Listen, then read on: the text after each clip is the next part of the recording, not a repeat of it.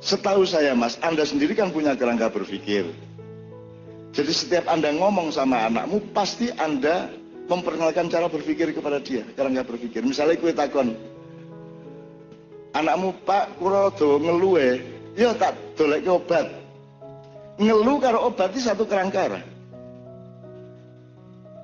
Bahwa kalau sakit diobati, menuju sembuh, kan begitu. Itu berarti satu kerangka.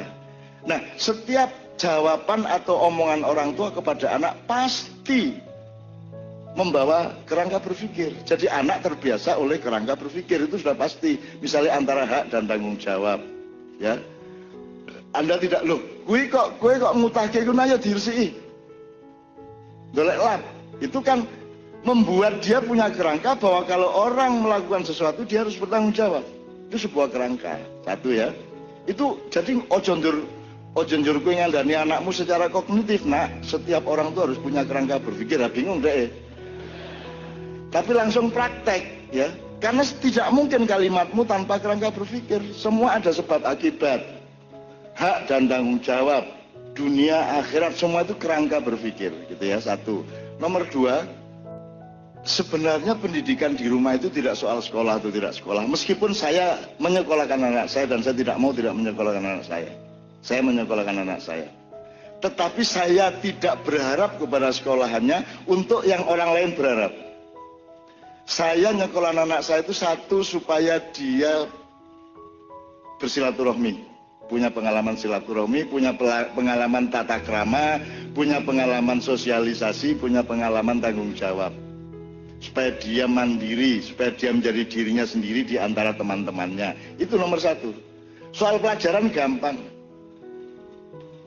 soal juara olimpiade gampang anak saya juga tidak berminat-minat amat.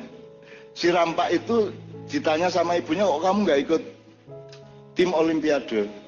Dia bilang oh enggak saya milih bahasa Arab aja fokus. Karena bahasa Arab lebih jelas untuk masa depan saya daripada olimpiade. Itu pilihan anak saya kelas 1 SMP ya padahal dia punya kans besar untuk untuk masuk ke olimpiade matematika. Tapi dia memilih saya milih bahasa Arab karena dia punya cita-cita dan merasa punya tanggung jawab untuk jangan sampai terlepas dari gelombangnya bapaknya gitu.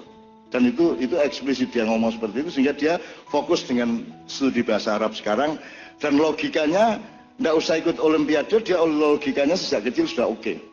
Jadi kalau orang tidak pakai logika itu yang seperti rangka berpikir salah satu asnya naik cara mobil ya. Gardane itu ya logika. Itu. Kalau tidak pakai logika, logika itu adalah tulang punggungnya akal. Saya kira misalnya gue ini, bocah kayak rabi-rabi, gitu ya, ya. Jebol sorenya kayak ketemu dia karo bojone karo anaknya, gue kaget orang. Awalnya gue ngomong kayak orang rabi-rabi, sorenya gue ketemu bocah gue karo bojone karo anaknya, gue kaget orang? Kaget. Saiki oke wong ora kaget. Mergo uteke bluluk ngono kuwi. Tidak punya dialektika.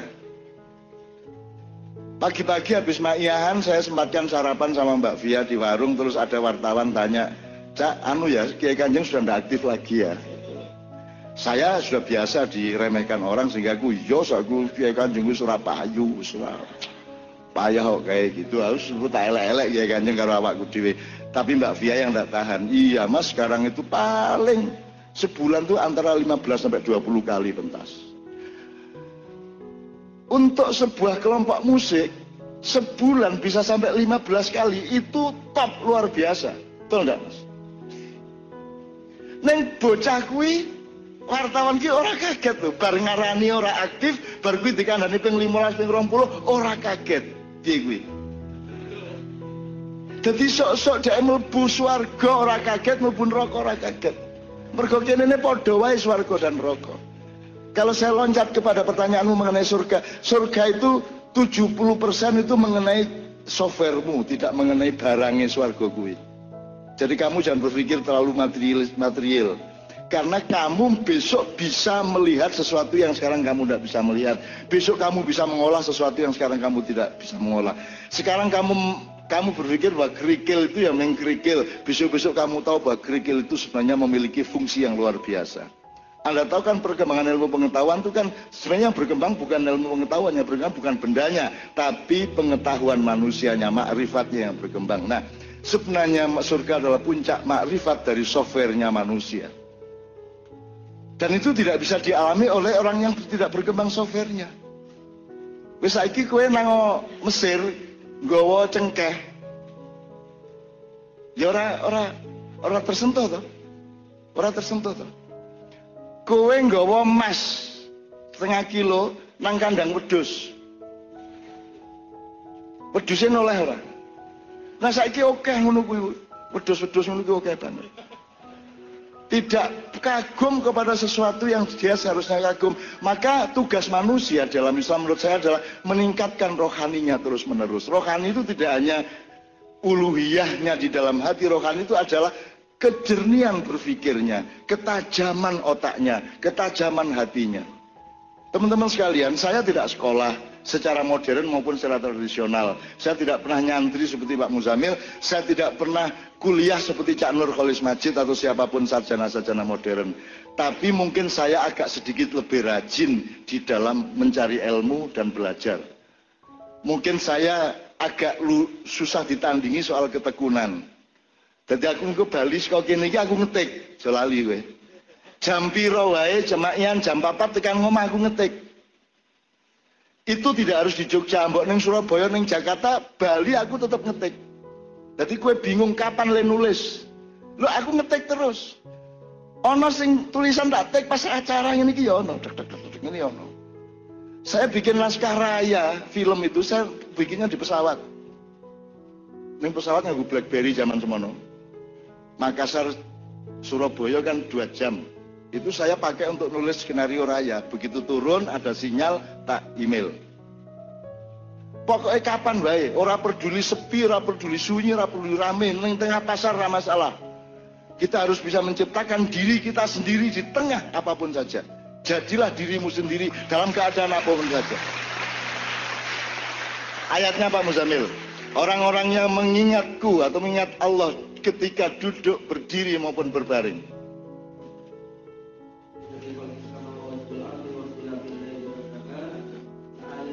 Ulil albab alladzina yadhkuruna Allah qiyaman wa qu'udan wa 'ala junubihim wa yatafakkaruna fi khalqis samawati wal ard Rabbana ma khalaqta hadza batila. Alladzina yadhkuruna Allah itu apa maksudnya? Orang yang mengingat Tuhan, nek eling kok ngopo? Orang yang meletakkan dan menemukan Tuhan yang sunyi itu, yang hanya bisa engkau temukan dalam sunyi itu. Ketika kamu berdiri mau di pasar, ketika engkau duduk mau di jalan, ketika engkau berbaring mau di rumah, di mana pun saja, dalam semua keadaan tiga toh, orang itu kalau nggak berdiri, duduk, berbaring.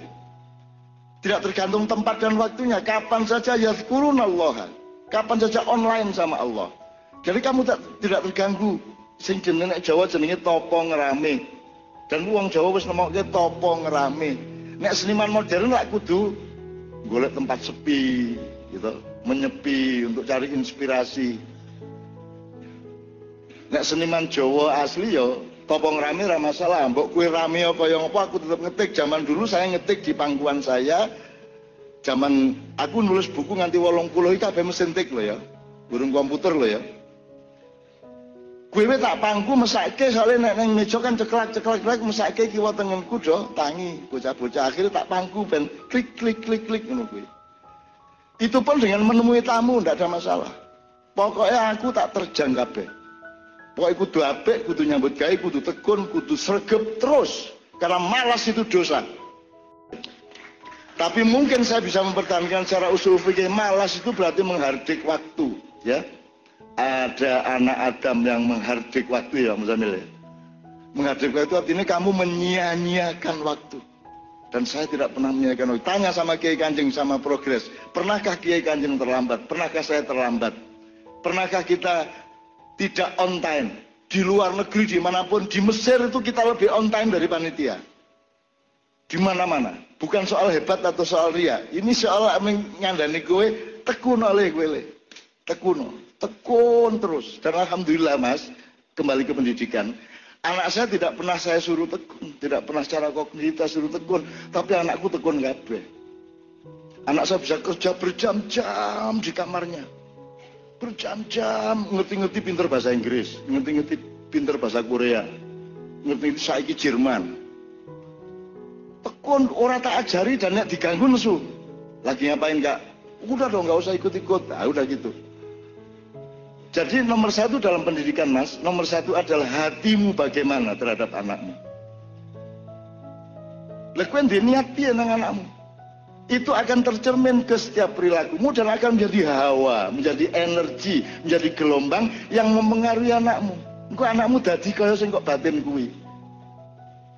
Salah satu pembagiannya adalah salah satu teknologinya adalah pendidikan kognitif tapi tidak utama. Yang utama hatimu piye nang anakmu, insya Allah.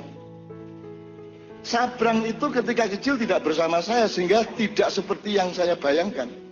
Karena selama dia SD SMP dia tidak bersama saya, tapi anak-anak yang sekarang bersama saya di rumah. Sehingga adikku bendino menyerbu dia. Iroda yang nama amruhu idza arada syai'an. Gitu ya, ya Mas ya. Insya Allah hatimu sing tenanan, nah anakmu ojo khawatir soal-soal liane. Wis tongku dadi kaya sing kok karepke insyaallah. Karena Allah yang mendidik, jangan khawatir. Alamal insana malam ya alam jangan dipikir kita yang didik anak kita, Allah yang mendidik kita, Allah ngirim malaikat, Allah ngekai guru dewe. Jadi anakku aku bingung, iki sapa to gurune? Aku nek dinasehati anakku kayaknya aku kerengan karo ibune kan aku ditimbali karo anakku. Timbali, kayak sini. Oh ya, Kak, mlebu. Gini loh, Ibu itu wanita. Wanita itu beda sama laki-laki. Ayah itu tidak salah tapi salah. Wah pokoknya dia nasihati aku kayak psikolog senior kayak.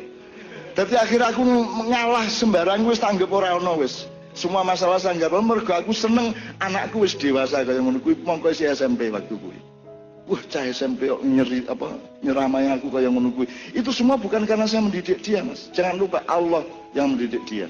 Allah sendiri mengatakan alam al insana malam ya'lam. Ojo ora dipercaya. Saiki kowe nesu karo kancamu, siapa gurumu? Allah. Wah, bagusi lho. Ya ora lho. Ya ora lho. Lah sing ngetokke kowe saka wetenge ibumu sapa? Apa ibumu sing ngongkon kowe metu? Apa kowe dhewe sing metu? Nek kowe dhewe sing metu, kowe duwe kesadaran untuk metu apa? Siapa yang mendorong anakmu? Ada inisiatornya, ada pemalekasannya, ada IO-nya, eh.